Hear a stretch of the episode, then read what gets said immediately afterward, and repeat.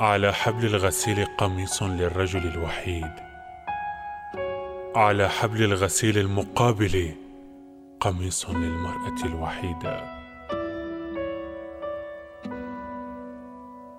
لا يتوقف الهواء وهما يلوحان لبعضهما طيلة النهار. يصحو الرجل على مضض.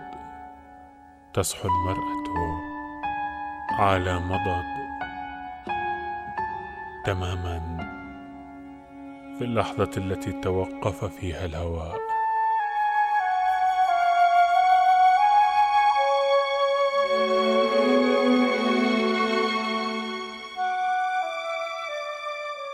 يا له من يوم تقول المرأة وهي تفرك جسدها الغض بالصابون وشعور جارف بالأسى ينتابها. بإمكاني إنهاء الأمر وحالا. سأطرده. تتفقد شاماتها الثلاث وتقول لنفسها هذا الجسد كاملا لي. وتبتسم. من أين يتسرب كل هذا الحزن؟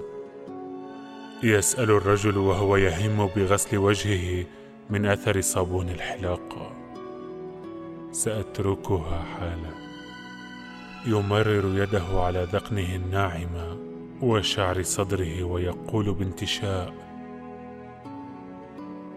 هذا جسدي كاملا لي. مطر يهمي على المدينة ويغسل الأرصفة والشوارع وخطى العابرين فيثير مخاوف الزوار من أن تنساهم المدينة ويطرق بخبث نافذة المرأة التي تهذي منذ الصباح. سيأتي وسأطرده. سيأتي وسأطرده ثم تحسم الأمر. سأذهب إلى هناك وأخبره ألا يأتي. بعد دقائق معدودة تغلق المرأة بيتها وتخرج راكضة تحت المطر. المطر الذي اختلطت حبات منه بدموعها. الأمر الذي منحها فرصة للبكاء في الطريق إليه. دون ما حرج.